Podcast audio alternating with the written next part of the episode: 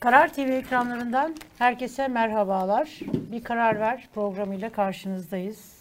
Yıldıray ile beraber. Hoş geldin Yıldıray. Merhaba, hoş bulduk. Almanyalardan geldin. Evet. Şimdi sana soracağım. Şeyi gördün mü yani darbe kalkışması olmuş operasyon Tabii, tabii, Almanya'da onun hava nasıl Direnişe diye. gittim ben. Darbeyi bastırmaya. Demokrasi mücadelesini orada da verdin Aynen, geldin. Ve onu sormak istiyorum sana. Ee, Alman Bugün program konuğumuz e, eski vali ve Gelecek Partisi Genel Başkan Yardımcısı Sayın İzzettin Küçük bizlerle birlikte olacak. Ee, takip edebildin mi e, Almanya'dan Türkiye'yi neler oldu neler bitti Tabii diye? tabii. Anlık olarak. Bir anda böyle iştahla gazetelere sa- şey yapınca böyle Ama gazetelerim ne? Bak. Ben hala Alman gazeteler Aa, okuyorum. Ben böyle gömülünce Sizin sizin gündeminizle senden ilgilenmiyorum. Türkiye'ye şey olamadı yani. Koptum ben artık sizden. Bakın. Abi jet lag yaşıyorsun şu anda. Tü- Türkiye'yi Tek zamanlama. Spiegel, Bild. Peki o Ben gazete bunlarla ilgileniyorum şey var mı Yıldıray? Gerçekten merak ediyorum. Şimdi yani Almanya'da bir dar- darbe kalkışması iddiasıyla Evet. yani darbe yapacakları öğrenilen öğrenildi. Federal polis 130 noktaya operasyon yaptı. Evet. 130 noktaya. Almanlar 25 kişiyi- şok içinde. Evet. Türkiye'de biz her gün her sabah böyle haberlerle mutlaka uyanıyoruz. 25 kişi gözaltına alındı. Bunlardan 19'u sadece tutuklandı. Böyle hani şey değil. e, 130 noktada 230 kişi böyle gözaltına alınmadı. Bazı yerler evler arandı. Ha, evet. Ama şey olmadı. Yani bizde böyle olunca biliyorsun olayın ne kadar vahim olduğunu göstermek için hani çok tutuklama. Ne kadar çok insan olursa o kadar çok. Ee, bir de mesela hani şey falan kuruldu mu orada? Böyle hani direniş, mitingler, Almanya Başbakanı, Ama zaten Cumhurbaşkanı. adım atamadan e, bas şey oldu. Hayır şey oldu mu yani açıklama üstüne mesela işte e, bunlar darbeci bütün gündem değişti mi Almanya'nın Değişti gündemi? bak. Bu Der Spiegel'in kapağı. Yani ben gittiğimde tabii üzerinden bir hafta geçmişti ama tabii gündem bu. Yani bu çok şa- Peki şaş- şu büyük bir şaşkınlıkla e, büyük ka- bir şaşkınlık var. Hayır Almanya'nın genel böyle hani buradan böyle bir siyasi rant hükümet siyasetçiler böyle bir şey çıkarttılar mı? Tehdit altındayız. Bize saldırıyorlar Öyle bir şey görmedim yani.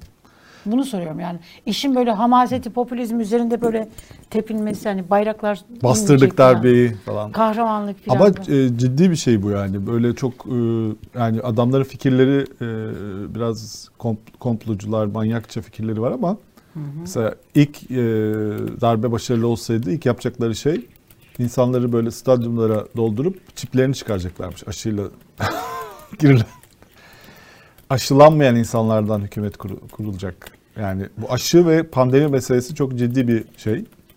Ee, büyük bir kafa karışıklığı yaratmış durumda bütün dünyada. Ee, bunlar zaten eski imparatorluk yanlıları.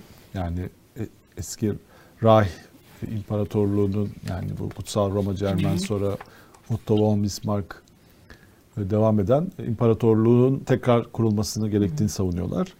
Zaten adam e, bir şey e, prens yani Evet. başındaki adam 13. Henrik diye bir prens e, soylu bir e, kişi kafası ama 1 milyon falan soylu bir kişi.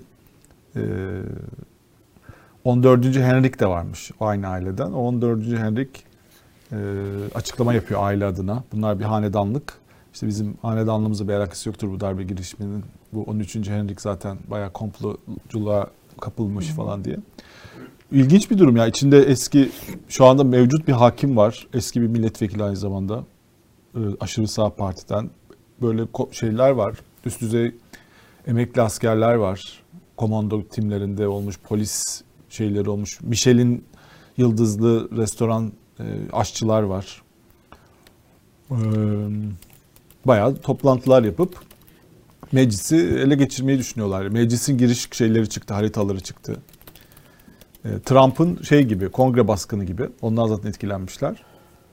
Böyle bir şey. Zaten bu Der Spiegel bunu kapak yaptı. Ben de aldım bunu. Almanca anlamıyorum ama en azından olsun bakarım falan diye. Gazetelerde de vardı yani. Tabii Almanya'da oturuyorsun mesela diyelim yani Türkiye gündemine uzakta bir kahve içeyim diyorsun. Bir tane orada önünde bir gazete geliyor.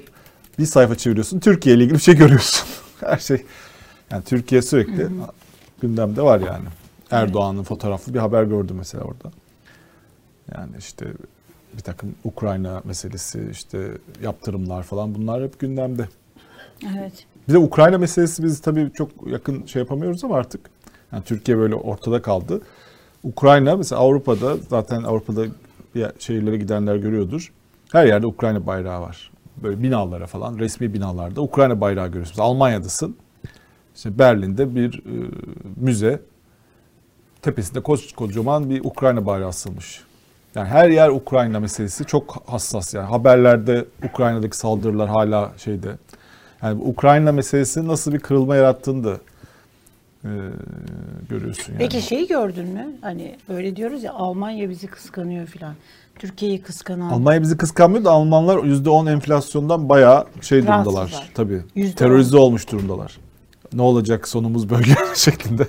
E, Türkiye'ye gelseler aslında gelseler biz onlara yüksek yüzde 85 enflasyonla bile nasıl e, yaşanabilecek. Mesela Türkiye'de yüzde 10 enflasyon olsa biz o enflasyonu enflasyon hiç yokmuş muamelesi çekeriz. Evet tabii %10 zaten Yani başarı %10 olur ya. Direkt nedir ya? iktidar e, seçimi Yani kazanır %10'a düşürse. Enflasyon yiğidin kamçısıdır böyle hani biz böyle bir enflasyon Marketlerde hiç her şey var. gibi. Bir hardal bulunamıyormuş. O yani orada bir üretim sorunu varmış Allah hardal. başka dert keder vermesin. Evet, öyle dedim ben de Vallahi. senin gibi. Gerçekten. Vallahi Allah başka dert keder vermesin. Hardal. Hardal da Ya onlar bizim- çok üretiyorlar. İşte onlar yemeklerde falan ya bizim hani çok geniş bir mutfakları yok şimdi Alman izleyiciler üzülmesin ama Ama sen söyleseydin üzülmeyin bizde bebek sütlerine bile alarm takıldı. Ondan sonra insanlar ya- yakında biz ekmek bile hani markete gideceğiz. Ekmeği sadece böyle şeyden göreceğiz. Böyle hani e, ekmek reyonlarında filan göreceğiz. Bakıp döneceğiz filan deseydin. Teselli etseydin keşke. Şeyi takip ettin mi? 6 yaşındaki Evet, işte evet, tabii. HGK, HKG e, olayını. ben yazdım bir kere de Evet. kararda. Son gelişmeleri biliyorsun. Çok acayip şeyler oluyor o do- dosyada. Her geçen gün e, yeni böyle skandallar ortaya çıkıyor. Ve acayip şeyler olmuş. Aslında ben şeye baktığım zaman HKG eğer iddiaları doğruysa çünkü hani yargılama başladığında bir iddialar var ortalıkta. Ee, ya anlattığı şeyler çok korkunç. Ürkütücü, insanı ürkütüyor. Ee, fakat öyle görünüyor ki e, yaşadığı istismar yani cinsel istismar yaşamış. Fakat bununla böyle hani dramı bununla sınırlı kalmamış. Koca evinden kaçmış, devlet devlete sığınmış. Yani işte WhatsApp'tan tanıştığı birisi ya da işte hani radyoda önce bir program dinliyor. Sonra WhatsApp'tan birisiyle tanışıyor. What Wattpad diye bir şeyden. Wattpad. Wattpad diye böyle e, kitap birileri böyle şeyler yazıyorlar. E, galip, yani şimdi yanlış söylemeyeyim ama öyle okudum ben. E, kitaplar yazıyorlar online. Onlar işte sohbet grupları falan oluyor. Orada biriyle tanışmış. Evet. Oradaki devlete sığın, devlet seni korur deniliyor. Fakat şimdi ortaya çok garip şeyler çıkıyor. 2012 yılındaki işte bu kemik yaşına 21 yaşında birisi sokuluyor. Evet. Orada hani sağlıkçılar kim? Savcı var orada. Soruşturmaya var. gerek kar- yok kararı veren. Evet. Baktı önce soruşturma açtı HSK. Yok. Şimdi savcı önce soruşturma başlatıyor. Ondan sonra kemik yaşı testi test istetiyor. ediyor. Ee, işte e, doktor polis çağırıyor. Bir tek orada sorumlu davranan o doktor, kadın aile doktoru kimse o. Polis ifade alıyor. Ondan sonra savcılık kemik yaşı testi istiyor. Fakat sonra bir şeyler oluyor. Demek ki hani burada başka bir imtiyazlar bir şeyler de var. Üstü bir şekilde örtülmeye çalışılmış.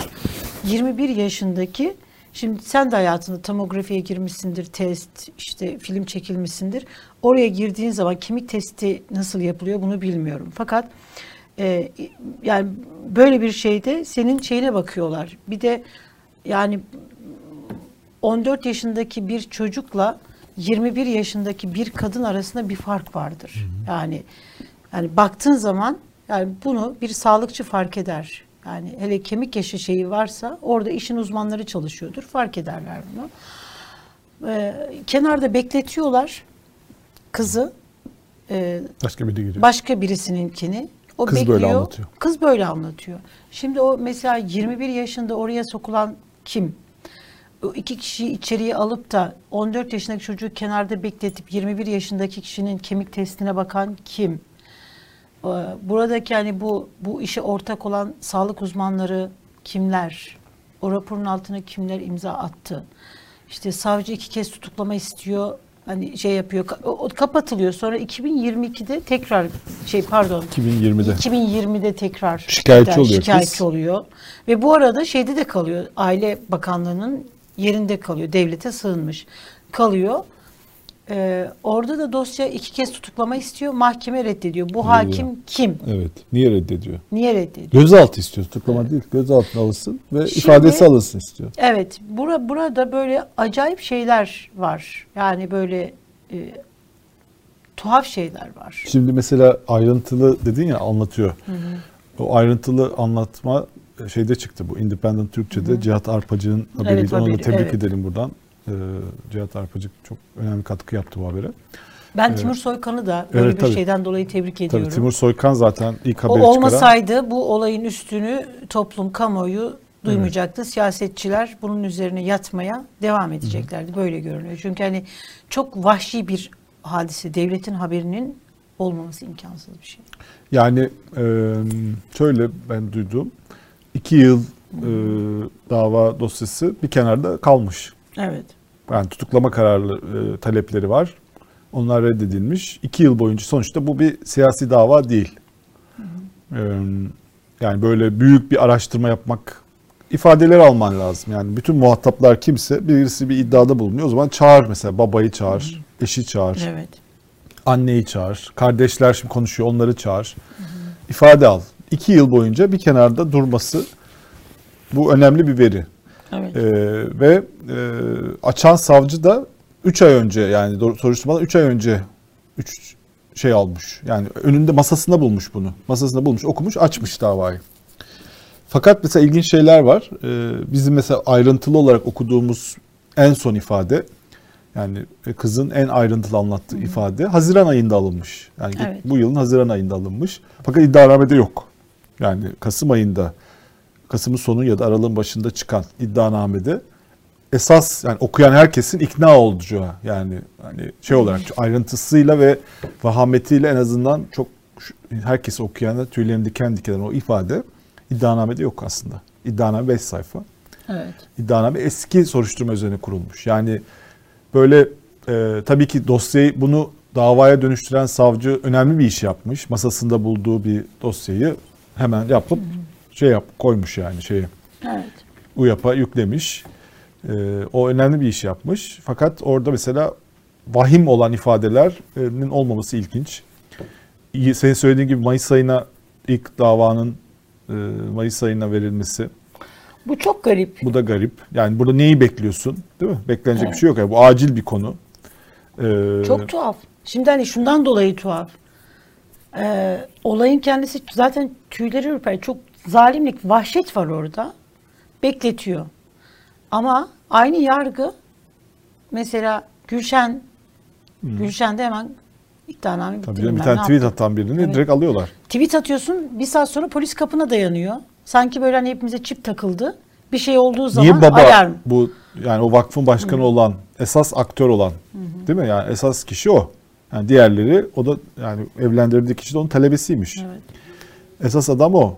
Onun niye ifadesi yok hala? Evet ve duruşmaya da katılmayacakmış bu arada. Evet çünkü yani bir şey değil çünkü. Hadi diyelim sanık değil de ifadesi niye alınmıyor ya? Yani ifadesini herkesin ifadesi alınıyor. Hepimiz bir sürü defa Ya, ifade veriyoruz. Yıldıray ben bugün yazdım. Şimdi bu olayda yani iki yüzlü bütün her şeyi bir kenara bırakmamız lazım. Şimdi böyle hani canımızı yaksa da bir şeylere konuşmak gerekiyor. Ya bu olay diyelim ki Hiranur Vakfı'nda değil de Çağdaş bilmem ne Atatürkçü bilmem ne derneğinde ortaya çıksaydı. XX bir dernekte, dernek vakıfta olay ortaya çıksaydı. Ondan sonra ne olurdu? Biz bu olayı iki yıl önce öğrenirdik. İki yıl önceyi bırak 2012 yılında öğrenirdik Herkes bu tutuklu olayı. olurdu. Herkes tutuklu olurdu. Hani sadece babası değil babası değil. Babasının varsa kardeşi, kızın varsa teyzeleri, ondan sonra yengeleri, bilmem neleri, işte nikah şahitlik edenlerin akrabaları, eş, dost. Ya en az biz be- be- belki var ya 100 kişinin gözaltına alındığını görürdük.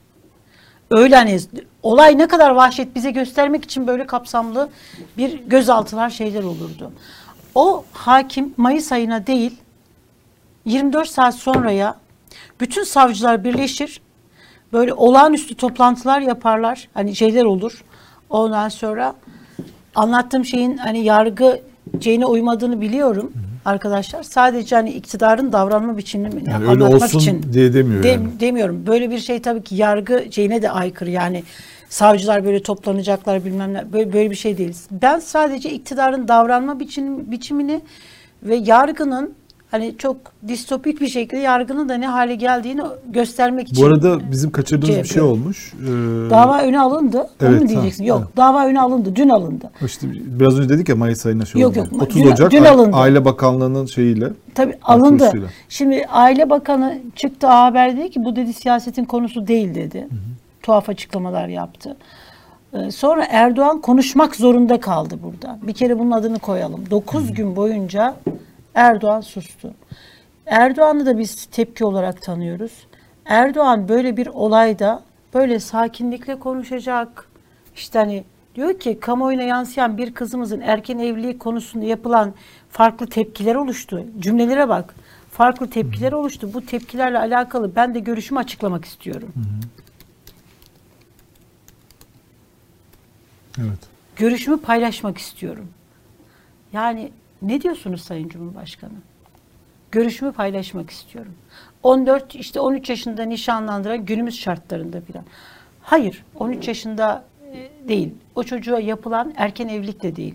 Çocuk gelin bile değil o çocuk. Değil yani. Bebek ve istismar uğramış.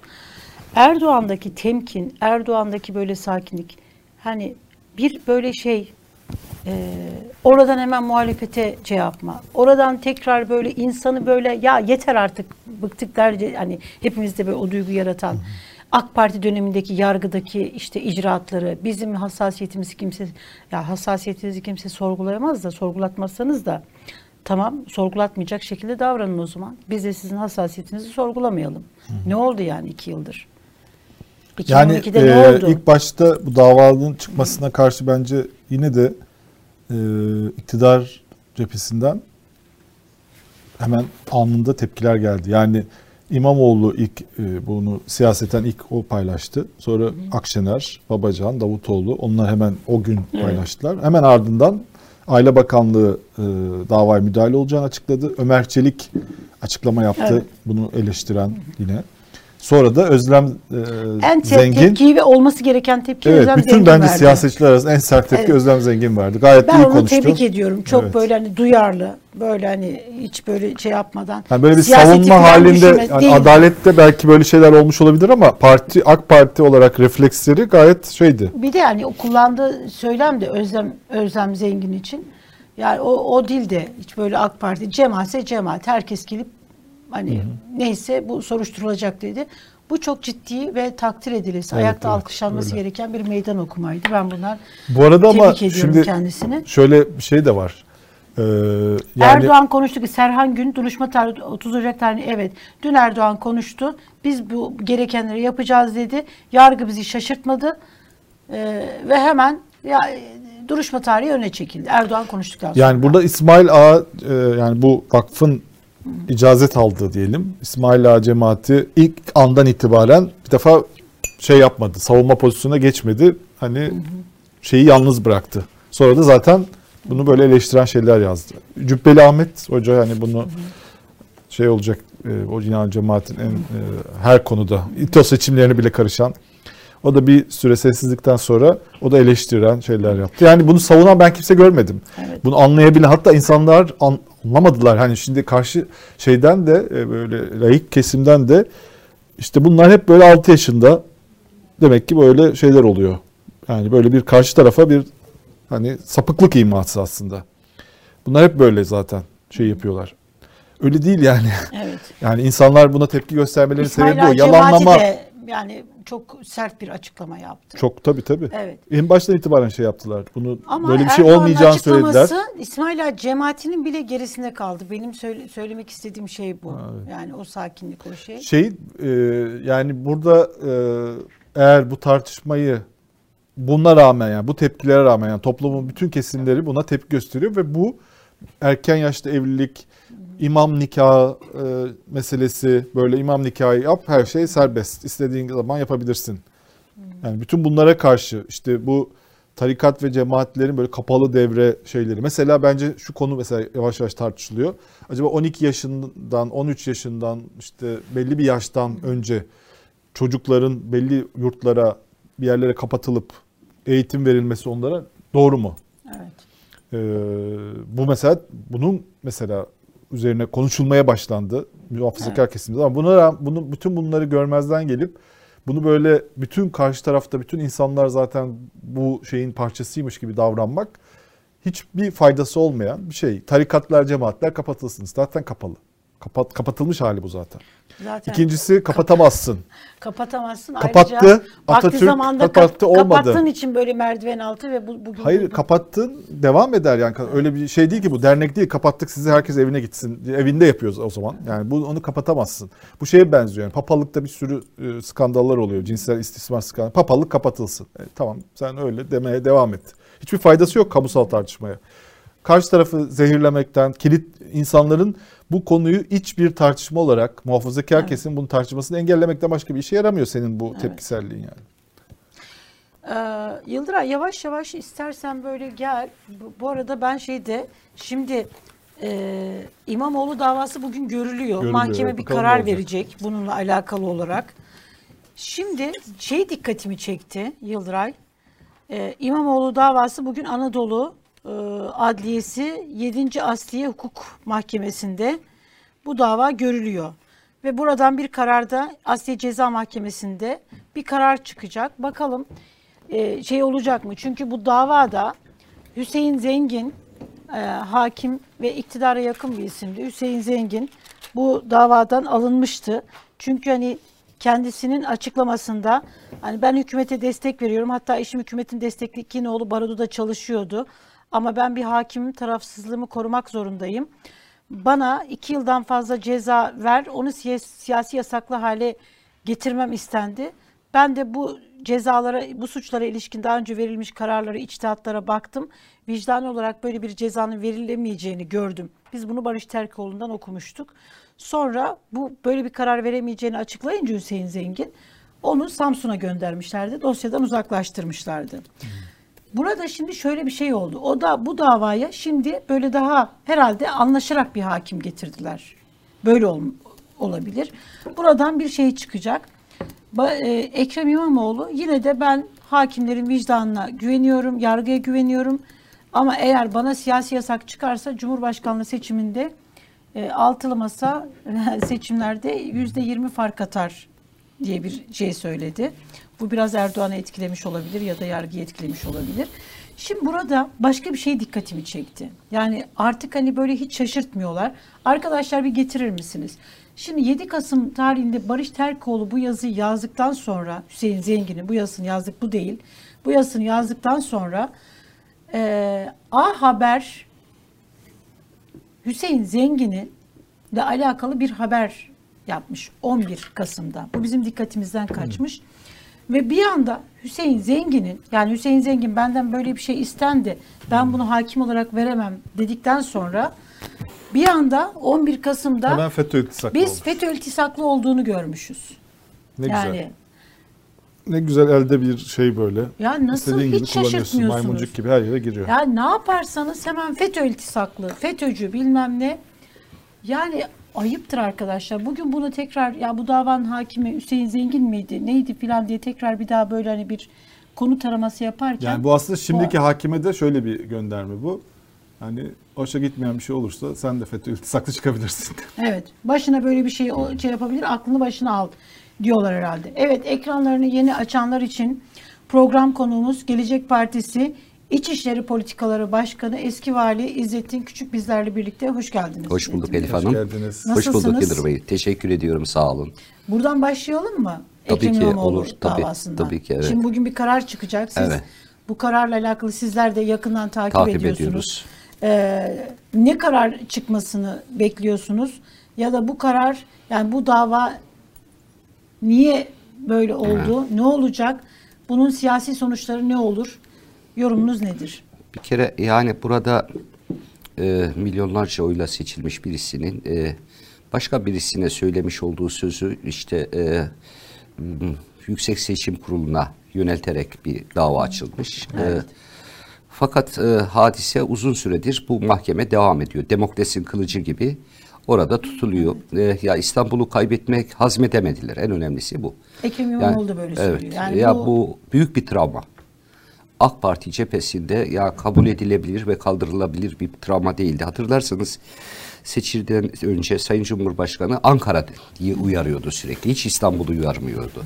Bütün mitinglerde Ankara dikkat et yanlış yapma şeklinde e, sözleri vardı. Ama İstanbul beklenmedik bir sonuç oldu. İstanbul e, İstanbul'un kendisinden vazgeçmeyeceğini düşündü herhalde. o Tabii, kadar emindi. O kadar emindi. Kendisinin bir sözü vardı. İstanbul'u kaybeden Türkiye'yi kaybeder.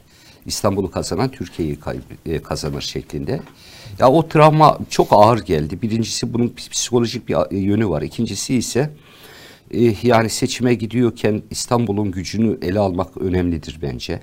Şimdi benim anladığım bu ikisi arasında yani halktaki tepkisi ne olurla İstanbul'un gücünü alsak nasıl olur arasında bir tereddüt yaşıyorlar. Bu en son e, mahkemede Sayın Davutoğlu e, Başbakanımız e, Ekrem Bey'i ziyaret etti a- e, mahkeme gününde desteğini verdi. Çünkü yani seçilmişlerin e, bu şekilde e, ufak tefek sözlerde yani eleştirilerle görevden alınması ya seçimin de anlamı yok. Milli iradenin de anlamı yok. Kendi iddiaları söyledikleri milli iradeyi de rafa kaldırmak. Yani Yüksek Seçim Kurulu üyelerine bile söylese Tabii. e, bir söz için bir siyasetçinin siyasi hayatını bitirmek Olacak, olacak değil. şey değil. Olacak yani. iş Her şey söylenebilir yani. Söz neyse hakaret onu o zaman öyle dava Evet. açın yani. O, o şekilde dava açın ama e, şu anda ne karar verebilecekler? Benim kanaatim ya uzatabilirler tekrar demokrasinin kılıcı öyle gibi. Çünkü be- zaten. benim kanaatim öyle. Çünkü görevden almanın da bir bedeli var. Bunun halkta e, karşılığı var. Maşeri vicdanda bir reaksiyon yaratabilir. Onu hesaplayamıyorlar şu anda ama İstanbul'un gücünü alarak seçime gitmek de isteyebilirler. Dava bence e, uzar. İmamoğlu da şey demiş. Siyaseten fayda göreceğimi iddia edenler var. Ben öyle bir faydanın zerresini istemiyorum demiş. Kim demiş? İmamoğlu. İma- e, yani bence de e, yani tek burada şeyleri İstanbul'un gücünü e, arkalarına alarak o sadece parasal gücü değil yani ile ulaşımla iletişimle e, kamu e, algısıyla büyük bir güç İstanbul'un gücü. Sadece işte oradaki bütçeler e, değil mesele. E, İstanbul odaklı konuşmak, o Türkiye'ye o havayı İstanbul'dan vermek, e, estirmek büyük bir güç bence. Ama bunun karşılığı var maşeri vicdanda net reaksiyon olur. Bence onu henüz şey yapamadılar. Karar veremedi. Karar- adaylıkla da adaylık meselesiyle de ilgili de bir elde tutulan bir koz olabilir mi bu? Ee, tabii yani son tahlilde e, İmamoğlu da ciddi adaylardan biri. Yani e, ne olup ne biteceğini henüz e, aday konusunda belli olmadığı için altılı masada ya o bir adayı da ekarte etmiş olabilir. Öyle de düşünüyor olabilirler. Ama e, net değiller şu anda Yıldıray Bey. Hala net değiller benim gördüğüm. Çünkü çok e, ilk seçimi iptal edince 13 bin oyluk fark 800 bine çıktı. Bunun Türkiye m, yansıması yani 5 milyon olabilir. Peki. Mesela İmam Ee, pardon bir, bir şey aklıma geldi olarak- Elif. Ha, İm- e, İmamoğlu diyelim ki altılı masa İmamoğlu'nun aday olmasına karar verdi. Evet. E, mahkemede de Siyasi e, yasak mı? Belli o bir yasa bir noktada e, yani geri dönülmez bir noktada e, siyasi yasak kararı çıktı. Ne olacak o zaman? O aday, olmayacak o zaman. Aday olamaz tabii. Yani şey aday o zaman ittifakın adayı da olamayacak değil mi? Kimse, Tabii ki- ittifak o- adaysız Şey ya, kalacak. evet. Hayır o zaman adayı gösterebilir siyasi yasak. Başka bir B şahsına aday gösterebilir. Yani Ama siyasi yasak olunca e, hukuki olarak merak ediyorum da. Ha, hani hukuk şey- olarak e, o çekiliyor. Başka, başka birisi, birisi gelebiliyor. bulunduruyor. Ama bunun manası şu. Ya İmamoğlu e, kim aday olursa olsun onun yanında gezdiği zaman o mağduriyetin, haksızlığın, adaletsizliğin verdiği bir e, rüzgara reaksiyonla bir rüzgara dönüşebilir. Yani o daha tehlikeli. Onu o sahikle eğer e, görevden almak isterseler onun bedeli daha ağır olabilir. Peki siyasi sonucu ne olur? Ekrem İmamoğlu şimdi en güçlü aday diyelim ki Cumhurbaşkanı Erdoğan en güçlü aday olarak Ekrem İmamoğlu'nu gördü. Anketlerde de Ekrem İmamoğlu daha önde çıkıyor. Mansur Yavaş önde çıkıyor. Ee, gerçi şu anda masadan kim gösterilse Erdoğan'ın önünde çıkıyor. Yani e, fakat diyelim ki Ekrem İmamoğlu ile alakalı böyle bir yasak geldi. Ee, Ekrem İmamoğlu aday yapılamadı. Buradan Erdoğan kazançlı çıkar mı yoksa İmamoğlu'nun dediği gibi bu böyle yüzde yirmi altılı masaya mı şey yapar? Al. Bence e, çok ters teper. Bir kere e, korktuğunu ila e, göstermiş olur. Yani psikolojik e, bir şey bu. E, çekindiğini, korktuğunu o çok o, yıkıcı olur karşı tarafta. Ya AK Parti cephesinde çok yıkıcı olur. Birinci etkisi bu olur. İkincisi toplum nezdinde ya büyük bir infial yaratılır. Ya ta e, İmamoğlu Hayır, İmamoğlu'na oy verecek olanlar ya İmamoğlu değil artık biz ne yapalım Erdoğan'a oy verelim derler mi? hiç sanmıyorum öyle bir şey. Daha da hırslanırlar, bilenir, bilenirler. Elif Hanım Kim bence. olursa ona mı Kim- verirler? Tabii. Yani Türk milletinin böyle bir e, özelliği var. Yani ne olursa olsun e, büyük bir haksızlık, aleni bir haksızlık gördüğü zaman orada reaksiyonunu gösteriyor. Zaten ikinci seçim öyle. İstanbul Evet. ikinci seçimi. İkinci seçimi. onun Orada ama sonucu. yine de İmamoğlu adaydı. Yani burada mesela diyelim ki kazanabilecek adayı devreden çıkarttığın zaman Evet. e, o zaman hani Ama onun reaksiyonu yani infiali vardır. Vicdanları yaralayan bir yeri vardır. Son tahlilde yani insanlar vicdan sahibidir. Bu çok açık bir haksızlık. Çok yani e, da şeye mücadeleye giriyorsunuz ve çelme takılıyorsunuz. Bu görünen bir şey. İzaha da gerek yok. Ama en büyük etkisi bence korktuğunu ve çekindiğini gösterir bu. Bu çok o şeyde teşkilatlarda yıkıcı bir etkisi olur. Ya teşkilat, AK Parti teşkilatlarında Tabii. AK Parti Korktuğunu teşkilat göstermesi. Tabii. Yani e, AK Parti şu ana kadar hep e, efendim güç, üstünlük e, böyle bu duygularla Emin iş yapan. iktidardan. İlk de, yani bazen olmuştur ama ilk defa bu kadar açık korktuğunu, çekindiğini, zafiyet hissi verir. Teşkilatlar e, bundan çok etkilenir. Bugün öyle bir his var yok mu AK Parti teşkilatlarında? Yani anketler çıkıyor mesela. Bu seçim garantide değil. Ee, benim anladığım kadarıyla Yıldırım Bey Cumhurbaşkanlığında e, yani biraz daha eminler ama öyle gözüküyor kendi şeylerinde. Yani biz işte e, Alırız. alırız filan ama milletvekilliğinde onlar e, da biliyor ki bu iş çok zor. Yani artık milletvekilliğinde iddialı değiller. Peki Cumhurbaşkanlığında emin olmanı olmalarını sağlayacak etkenler, unsurlar var mı yani daha böyle? Erdoğan. Yok Erdoğan ama hani kazanır çünkü hani Ya teşkilatlarda reise büyük güven var. Ya muhakkak bir şey yapar, şunu yapar, bunu yapar. Bunu biliyorsunuz. Şapkadan tavşanı tabii çıkartır. yani o o inanç zaten. zaten, Çıkartıyor. çıkarıyor da yani sonuçta e, devlet gücü elinde ve e, her türlü şey yapabilir. Yani e, popülizm yapabilir, her türlü değişiklik yapabilir. Bu devlet gücüyle e, o inancı pekiştiren şey zaten. Yani reis metaforu e, AK Parti cenahında çok işleyen bir şey. O güvenle e, Cumhurbaşkanlığında biz e, emin çizgideler. Biraz daha emin. Milletvekilliğine nazaran. Yani çok emin demiyorum. Kesin kazandık ettik anlamında demiyorum. Milletvekilliğinde büyük bir zafiyet içindeler. ha, kaybettik burayı kaybettik. Burayı kaybettik inançları çok yaygın. O onun için parlamentoyu kaybettiklerine Evet, kabulleniyorlar. Kabul. O, kabulleniyorlar. Zaten şu anki halinde bile e, kıl payı e, parlamento üstünlüğü var. Tabii Yani şu anda bile yani e, 300 değil şu anda benim bildiğim 300'ün altına düştü. Bakanlar yapıldı istifa Tabii, ettiklerinden sonra. öyle. Evet. E, onun için önümüzdeki dönem göreceğimiz en önemli şey Yıldıray Bey. E, mevcut milletvekillerinin çoğunun tasfiye olacağını göreceğiz. Hmm. Yani ben yüzde yetmiş oranında tasfiye olacak. Çünkü Neden öyle olsun? Yani bu Ya kadar bu en kadar zor zamanlarda bağlılıklarını göstermiş milletvekilleri. Ya bu kaybı görüyorlar ve e, yeni yüzler istiyorlar. Bunun araştırmasını, bunun tetkikini m, çok öncelerden başladılar. Yeni bir kırgınlık, küskünlük halkası oluşturmayı göze alabilir mi Erdoğan? Ya onların da biliyorsunuz e, sistem eski milletvekillerine çok e, güzel maaşlı, çok e, güzel m, isimli makamlar var. Yani Onlar Herkese e, fırsatlar var. ikna olur. Ya bakan yardımcılığı dediğiniz müessese niçin var? Ya sonuçta e, pek çok kurumun başında yönetim kurulu üyesi olmak, kayyum olmak pek çok şey var. Ya onlar ikna edilir. Orada bir sorun yok. Ama tekrar söylüyorum milletvekillerinin yüzde yetmişi tasfiye olacak. Bunu böyle neye dayanarak söylüyorsun? Çünkü bu Araştırmalar mı yapı yapılıyor? evet araştırmalarımız var. Görüşmeler var. Ee, teşkilatlarla arkadaşlar görüşüyor. Ben de görüşüyorum falan. Büyük bir arayış var. Yani toplumda itibarı, yüzü, ismi olan yeni isimlere yöneliyorlar. AK Parti arıyor böyle. A- AK Parti arıyor. Bu yani bununla gidemezler. Şu andaki isimlerle gitmeleri mümkün değil. Yani bunu kendileri görüyor. Bu üst kademede Tepki olur yani milletvekillerine. Tabii, Bazı, tabii. Onların yükünü taşımak istemiyorlar demek. istemiyorlar. Zaten Yani- kimseye ihtiyaçları yok değil Yok, mi? Yani e, Çok- getirisi de yok şu andakilerinin.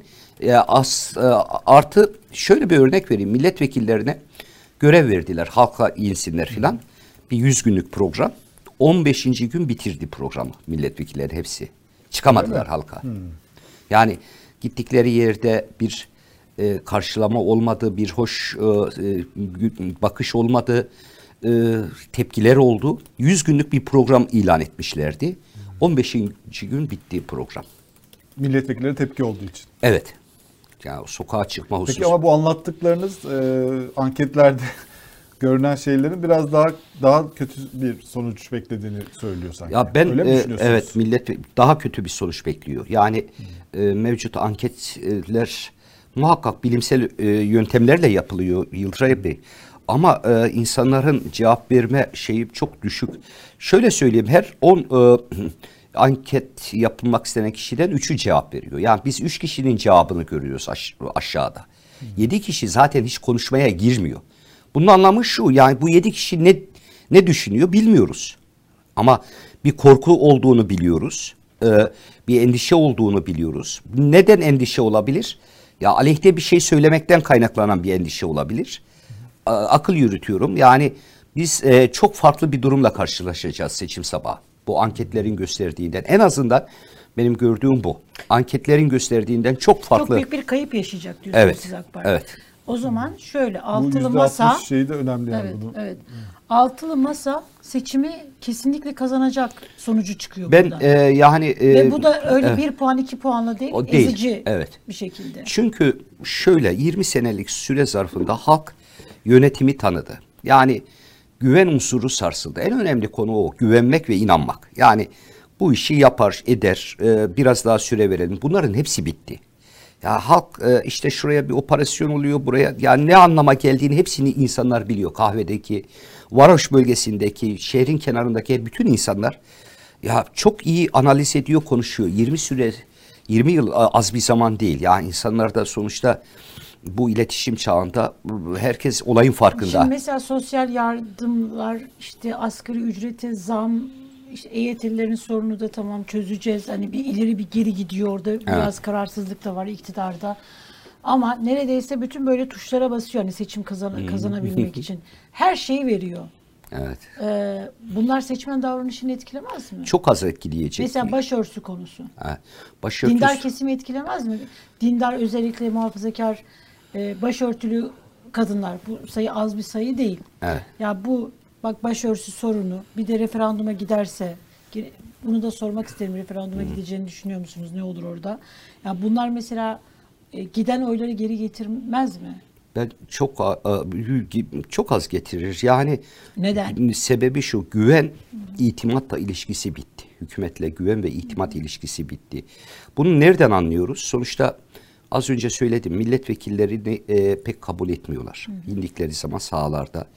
E, insanların e, sonuçta pek çok şey yaşadı. Büyük ama son bir iki yıldır büyük bir ekonomik kriz yaşıyor. Bu öyle kolay e, unutulacak bir şey değil ve geçmiş de değil. Yani asgari ücreti yükselseniz bile bunun geçmediğini herkes biliyor.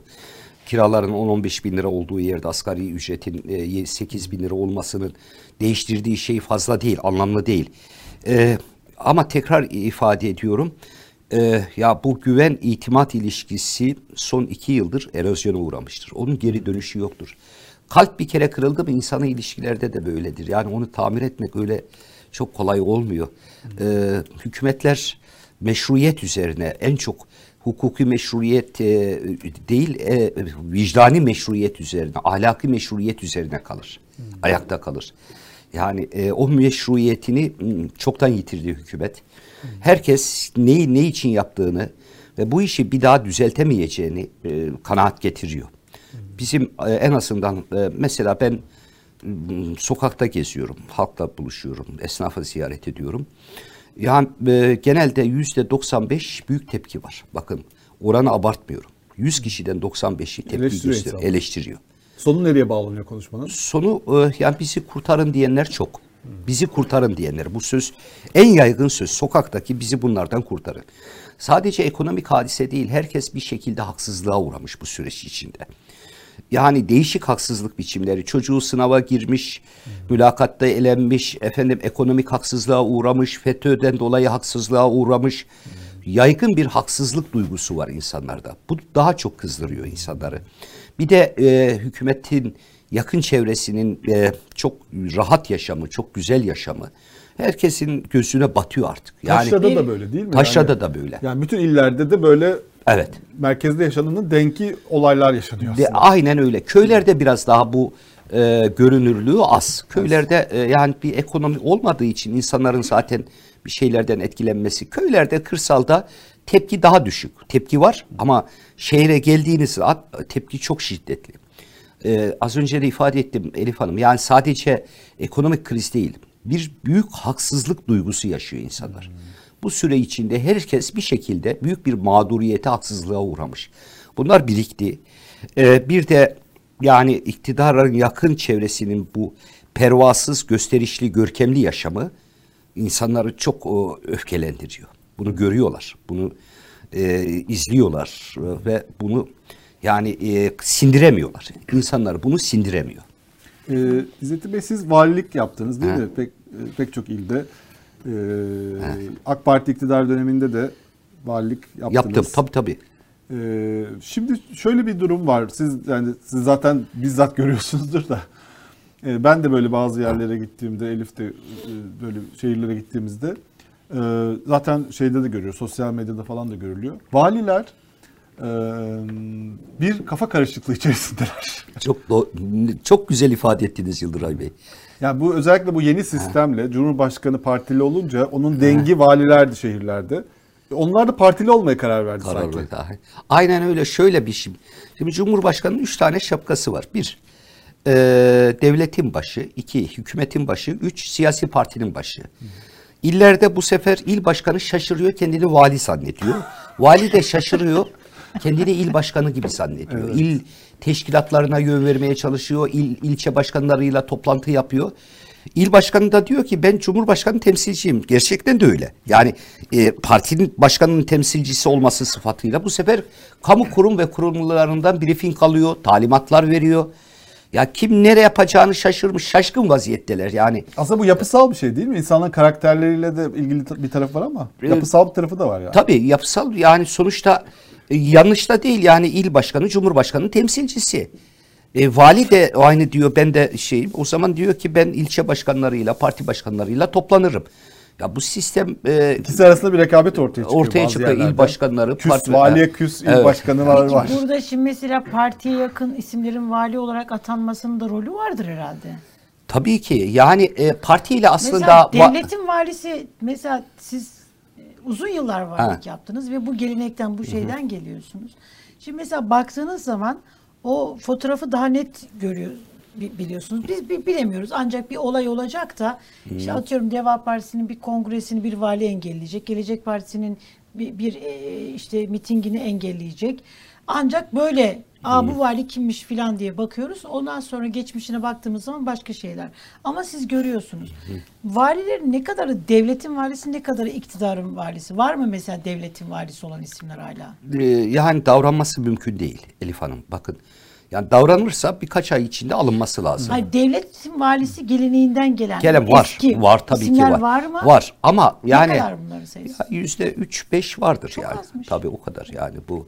Çünkü Yozlaşmaya sistem bak. müsaade etmez. Yani siz e, nesnel, objektif böyle devlet adamı gibi davranmaya çalıştığınız an sizin hakkınızda söylenecek şudur. e, yani bir partimize yardımcı olmuyor. Partimize karşı alttan yukarıya doğru böyle havalar esmeye başlar. Efendim e, yani kabul edin ki CHP milletvekilini kabul etti veya şu parti milletvekiline bu ya bunlara destek veriyor. Yani e, zemin e, iklim buna müsait değil.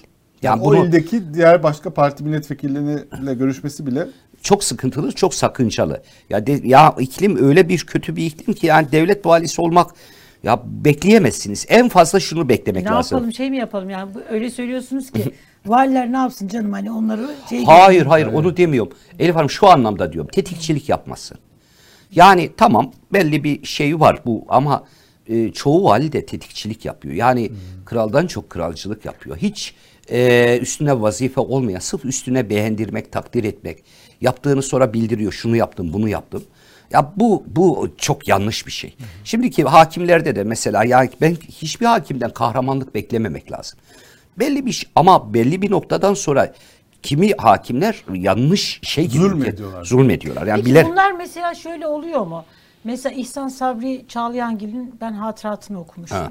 Ya bu dönemde hani böyle bir vardır mutlaka İhsan Sabri Çağlayangil kadar olmasa da o kıvamdaki işte siz de dediğiniz yüzde üçlük işte devletin valileri.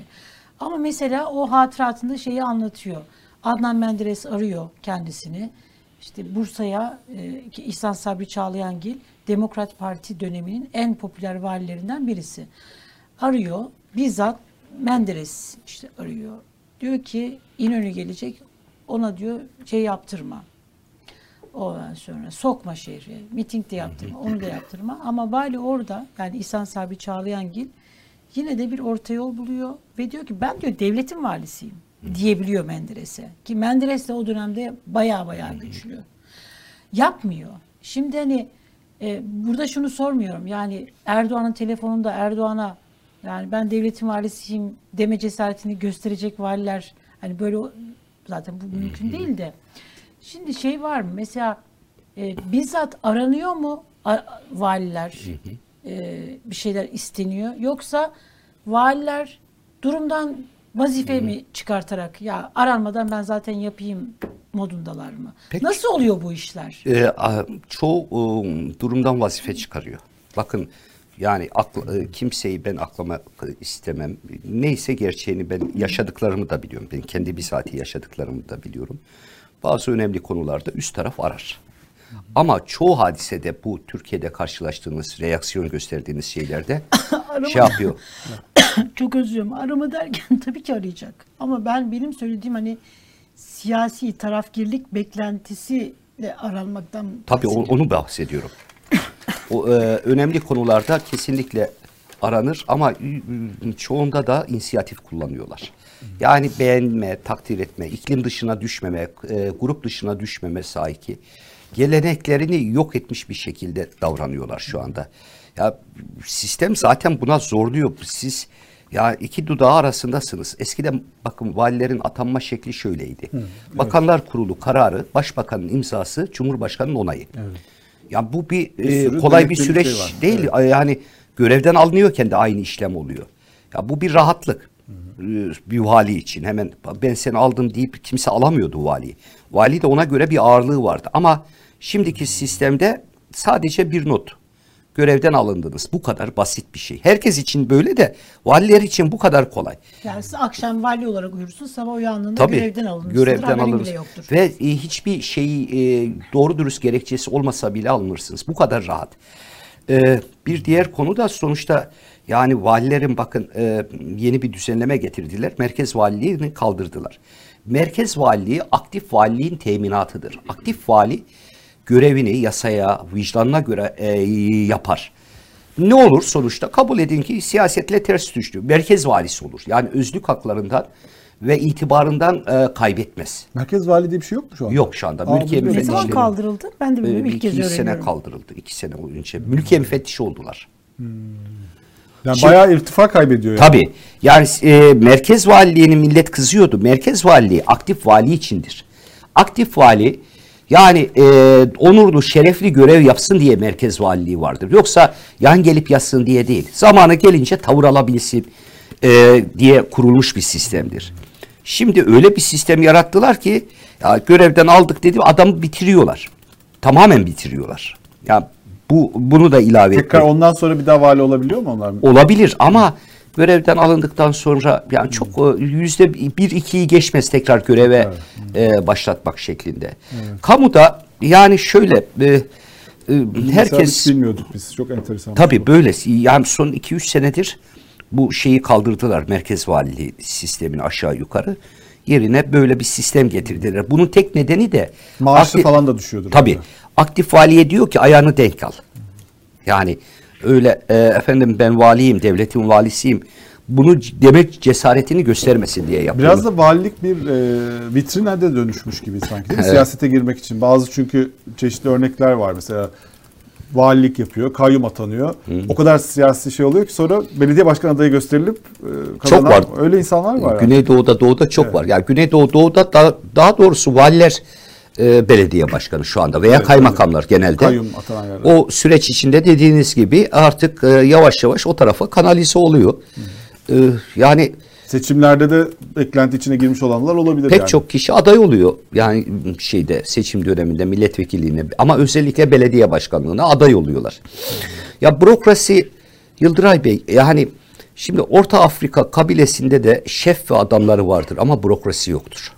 Devleti devlet yapan ana unsurlardan biri bürokrasidir. Bürokrasi halk için nesnelliğin, eşitliğin e, güvencesidir. İşlerin yürümesinin güvencesidir.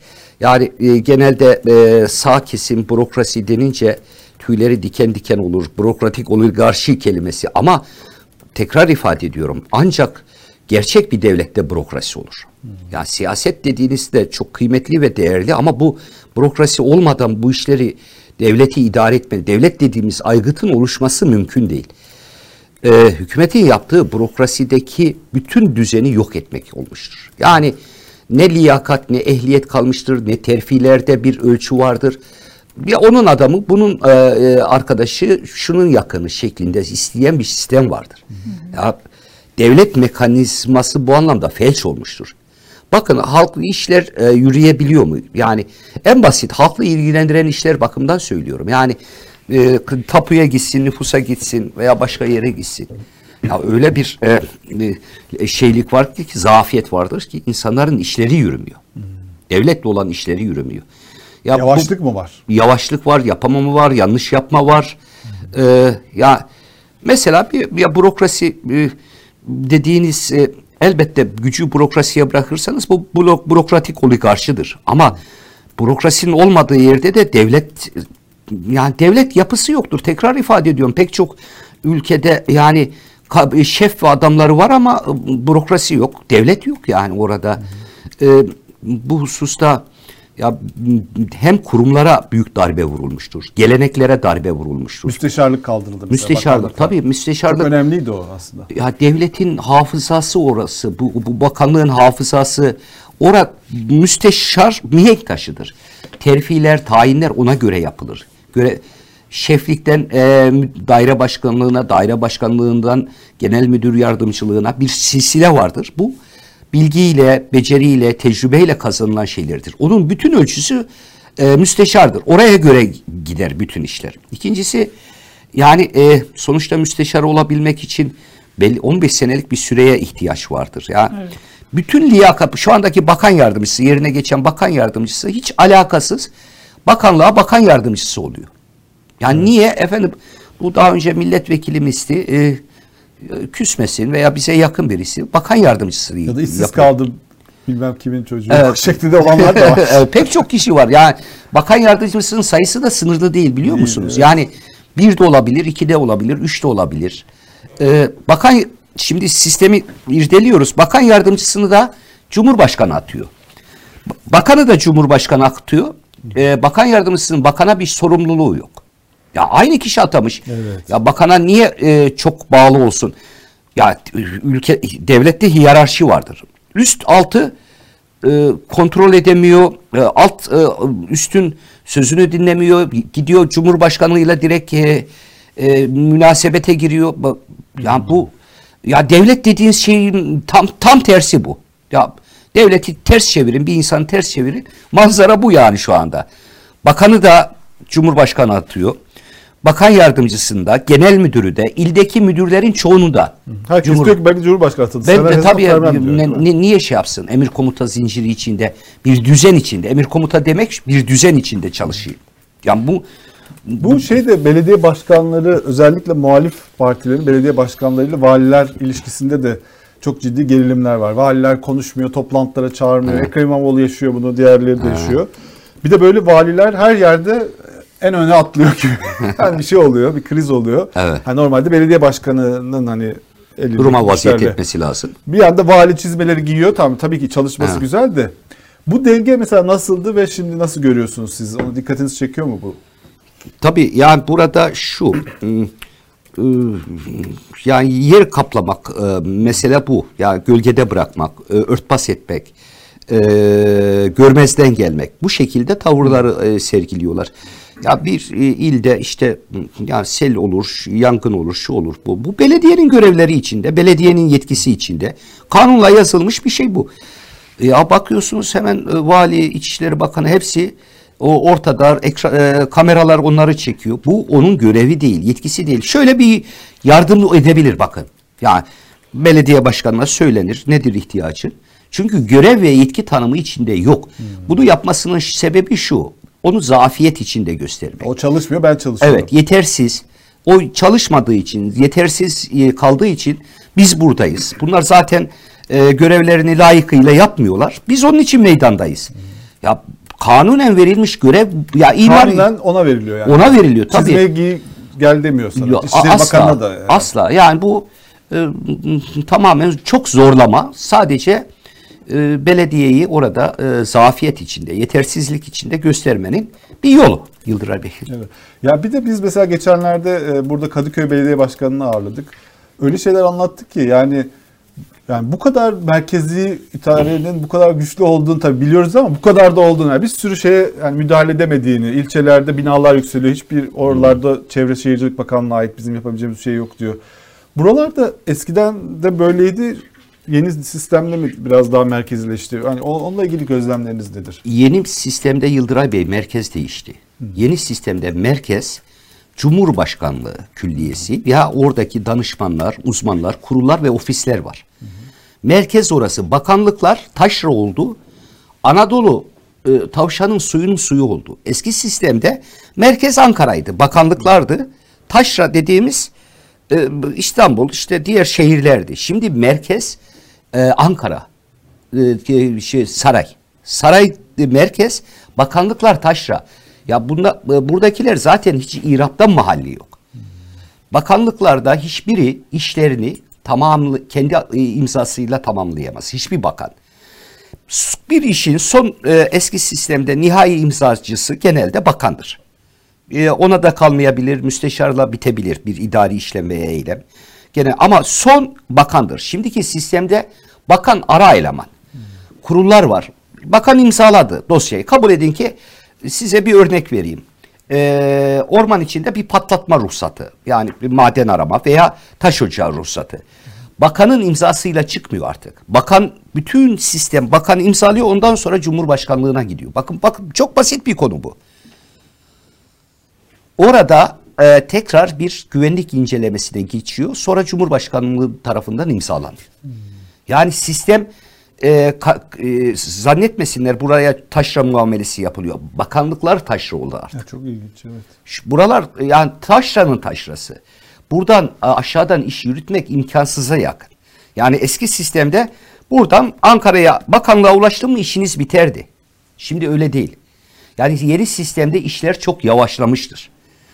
Yeni sistemde e, e, en basit işler bile Cumhurbaşkanı'nın imzasına tabi. Geçen ben gördüm son çıkmış bir ya 5 metrekarelik bir e, hazine arızasıyla ilgili bir e, belediyeye tahsis Konya e, Meram Belediyesi'nde 5 metrekare bakın. Tahsisini Cumhurbaşkanı imzalamış. Resmi gazetede mi yayınlandı? Evet resmi gazetede Allah. Allah. Ben onu çıkaracağım sizlere göstereceğim. Yani yeni sistemin iddiası çok hızlı olacağız. Yeni sistem eski sistemden kat be kat yavaş bir sistem. Çünkü e, bir kere bürokratların e, inisiyatifi yok. Bakanda biraz inisiyatif var o da yetersiz. Bakanın imzası sadece ara bir imza. Yukarıya gitmesi lazım. Yukarıya gittiği zaman da olan hadise şu. Kim ulaşabiliyor? Şimdi çok büyük bir yığıntı oluyor yukarıda. Yani sarayda. Peki e, bu nasıl imzalanacak? Orayla kim münasebeti varsa o öne geçiyor. Yoksa Onlar yıllarca tabii Suistimale yılla- de açık bir şey. Suistimale de açık. Yani şimdi bir yüzlerce danışman ne iş yapar? Sonuçta e, oraya kim ulaşabiliyorsa evrakını, işini o gördürebiliyor. E, herkes de ulaşamıyor sonuçta. Ben sadece basit bir ruhsat işi için 3 yıl bekleyen iş adamları biliyorum. Basit, çok basit. Bu sistemin ne kadar yavaş olduğunu vatandaştan daha çok iş adamları biliyor. Yaşıyor, bizatihi yaşıyor. Ulaşamıyorsa, bir adam bulup ulaşamıyorsa hiçbir işi ileri gitmesi mümkün değil. Çok güzel anlattınız bunu. Evet ya bunları biz bilmiyorduk. Yani e, Bu çok önemli bir izleyicilerimiz kısmı de evet, evet. izleyicilerimiz de büyük bir ihtimalle bunları bilmiyordu. Ben şimdi siz böyle hani e, şeyi de merak ediyorum. Bu uyuşturucu Türkiye'nin uyuşturucu sorunu var. Bununla alakalı bir rapor da şey yaptınız. E, önemli yerlerde valilik de yaptığınız için bu sorunları en iyi Türkiye'deki bilen isimlerden birisi sizsiniz. Bizim uyuşturucuyla yani Türkiye olarak başımız uyuşturucuyla ne kadar belada? Ne Çok- kadar büyük? Çok belada bunu yaşamaya Mesela başladı. zaman zaman Kemal Bey açıklama yapıyor. Abarttığını düşünenler oluyor. Abartıyor mu mesela Kemal Bey bu tür açıklamaları Yok bence e, asla abartmıyor. Yani millet yaşıyor bunun yakıcı bir sorun olarak. E, şöyle ifade edeyim. 2016'da e, yakalanan e, m, metamfetamin e, 250 kilo şu anda 8,5 ton. 30 kat artmış. Ne Pe- kadar zamandan? Ya 5 sene içinde 30 kat artmış. 5 sene içinde Evet. 30 kat. 6 sene içinde 30 kat Çok artmış. anormal değil mi? Tabii çok anormal. Ee, şimdi Burada şimdi devlet ne yapıyor denmez mi? evet yani e, onu soruyoruz zaten hep beraber Elif Hanım haklısınız onu soruyoruz.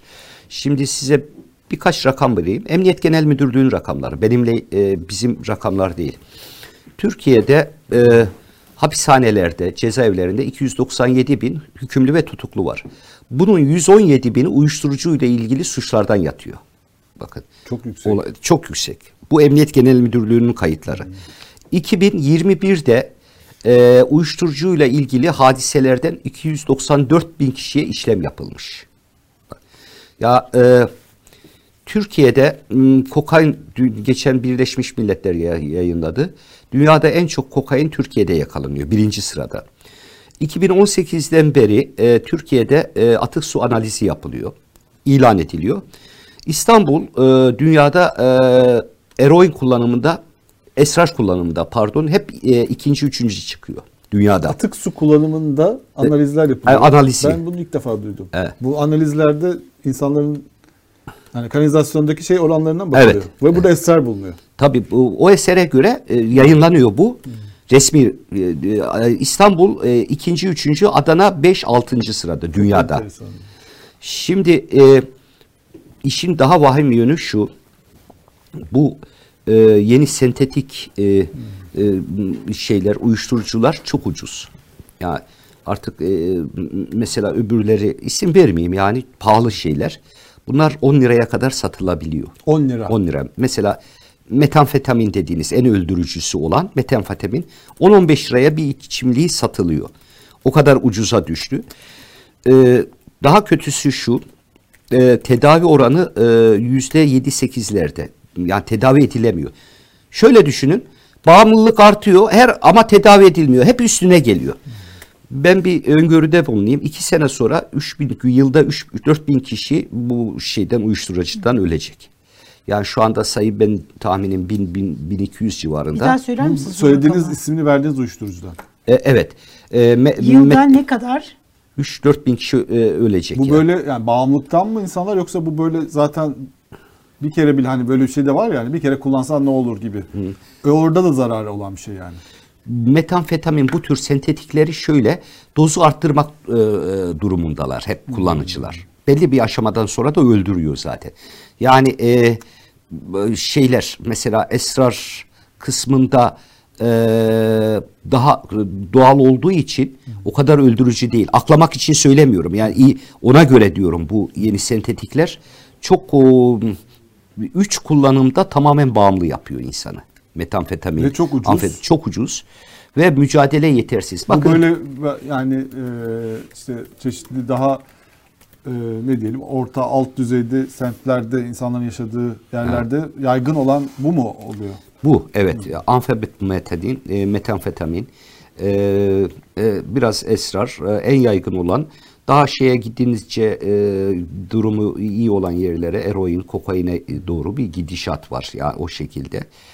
Şimdi bu rakamları e, yani Türkiye'de bir e, bununla ilgili mücadele eden dört tane kuruluş var. Emniyet Genel Müdürlüğü'nde daire başkanlığı ş- şeklinde örgütlemiş. Jandarmada e, bu şube müdürlüğü. Bakın ya ve 250 personel istihdam ediliyor Türkiye'de. Hani yetersizliğini belirtmek için. Gerçekten mi? Evet, Jandarmada. Şube, jandarmada. 250 sadece uyuşturucu Ucu- mücadele Evet. şey. 250 tane şube müdürlüğü. Daire başkanlığı değil. Şimdi size daha enteresan bir şey vereceğim. Ee, sahil güvenlikte kısım amirliği. Şube müdürlüğünün daha altı. Ya o e, şube müdürlüğü bile şeflik yani. Orada sahil güvenlikte bu işe tahsis edilmiş eleman yok. Personel yok. Halbuki botlarla falan bir yerlerden Tabii. taşındığını duymuştuk. Sedat Yan işi Peker'den. olarak yapıyorlar bunu. Yani öyle bir birimi yok sahil Yok, güvenliği. uyuşturucuyla mücadele. Bir, birimi yok. Kısım amirliği demiş ama personel tahsis etmiş. Polis ne kadar var? 4500 tane. Ben mesela daire başkanlığında halbuki 350 bin polis var. 400 bine. 4500 tane. Hani insanlar zannediyor ki çok büyük bir mücadele var. Ee, çok büyük şey Ama var. çok fazla insan tutuklu. Ee, çünkü e, onun 8-10 katı da şey yapıyor. Ee, bütün dünyada genel kural şudur. Ee, ona ikidir. Yani ya- yakalanan iki ise e, şey kaçan sağ dağılan e, el altından giden ondur. Bu sadece Türkiye'de değil. Bu rakamlar Türkiye'de bu işin patladığını gösteriyor. Yani Türkiye bir eskiden 4-5 sene önce rota ülkeydi.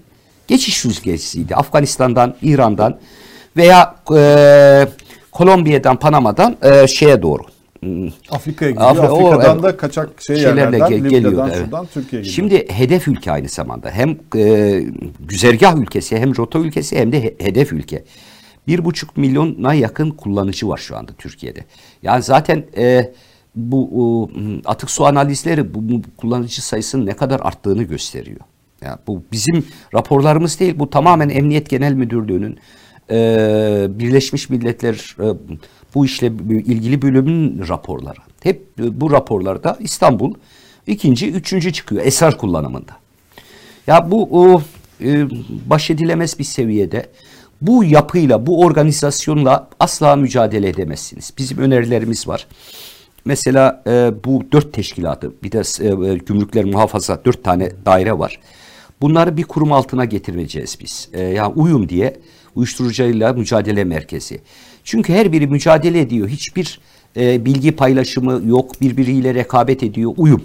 He- he- dört teşkilatta tepede bir uyum yani bu işin genel e, şeyi olarak umumi e, koordinatörü ve yöneticisi olarak bir teşkilat kurmak e, istiyoruz. E, ikincisi Türkiye uygulamıyor, dünya uyguluyor. Esrar ve raporları bu bilgileri saklıyor diyorsunuz. Yani ve- verileri Yo Emniyet Genel Müdürlüğü yayınlıyor. Emniyet Genel Müdürlüğü yayınlıyor yani bu yayınlar var. Ben e, çalışmalarımda e, görsel çalışmalarda onu yayınladım. Kaynak Emniyet Genel Müdürlüğü. İkincisi hastaların tedavisinde bakın çok iddialı konuşuyorlar. Türkiye'de amatem ve çamatemler yani bu bağımlılıkla mücadele eden hastanelerin toplam yatak sayısı 1300. Aa, Bu kadar. Çok düşük rakam. Yani bütün rakamlar ne kadar düşük ya. Ha, 1300 tane ya- yatak kapasitesi var. Buradaki başarı oranı da yüzde 8. Yani orada 14-21 günlük bir tedavi var. O detoks aslında tedavi değil. Tedavi şöyle bir şey. Siz oradan çıktıktan sonra rehabilitasyona bunların tutulması lazım. Rehabilitasyon dediğimiz şu. Yani e, o çevre, e, tabii yani o süreci devam ettirmeniz lazım. Hastaneden çıkıyor bir ay sonra tekrar başlıyor. Tehlikenin büyüklüğünün nedeni bu. Tedavi olan sayısı çok çok az. Ama üstüne gelen sayı çok fazla. Ee, yani bu şekilde asla Türkiye birkaç sene içinde en çok ölümü verdiği hadise e, şey olacaktır. Bu uyuşturucu olacaktır. Peki şimdi mesela bir taraftan da sürekli İçişleri Bakanlığı operasyonlar yapıyor. Evet. Ee, kontrol edilmesi mümkün mü değil uyuşturucu? Ee, yoksa kontrol edilemez bir hale mi geldi? Yoksa hani A, B, C şıkkı e, bilinçli yani kontrollü bir şey mi var? İşin içinde böyle hani kârda olduğu için yeterli e, önem ve ehemmiyet verilmiyor. Şöyle ifade edeyim. Şimdi doğu sınırlarından özellikle İran'dan gelen göçmenler sırtlarında kendi sermayeleri olarak da şey getiriyorlar. Afyon ve eroin. Metamfetamin. Bunlar kristalize ediliyor. Yani e, e, şey yapıyor, küçültülüyor. Sırtlarında geçiliyor. Ya yıllardır bu sınırların e, kapatılması, bu sınırların tedbir alınması konuşuluyor. Alınamadı. Bir türlü alınamadı. Yani çok girişlerden olan bir yer bu. İkincisi Suriye. Dünyada birkaç tane e, narko devlet var. Bir tanesi Suriye'dir. Suriye bir narko devlet olmuştur. Kolombiya'dan daha e, şiddetli bir devlettir bu hususta.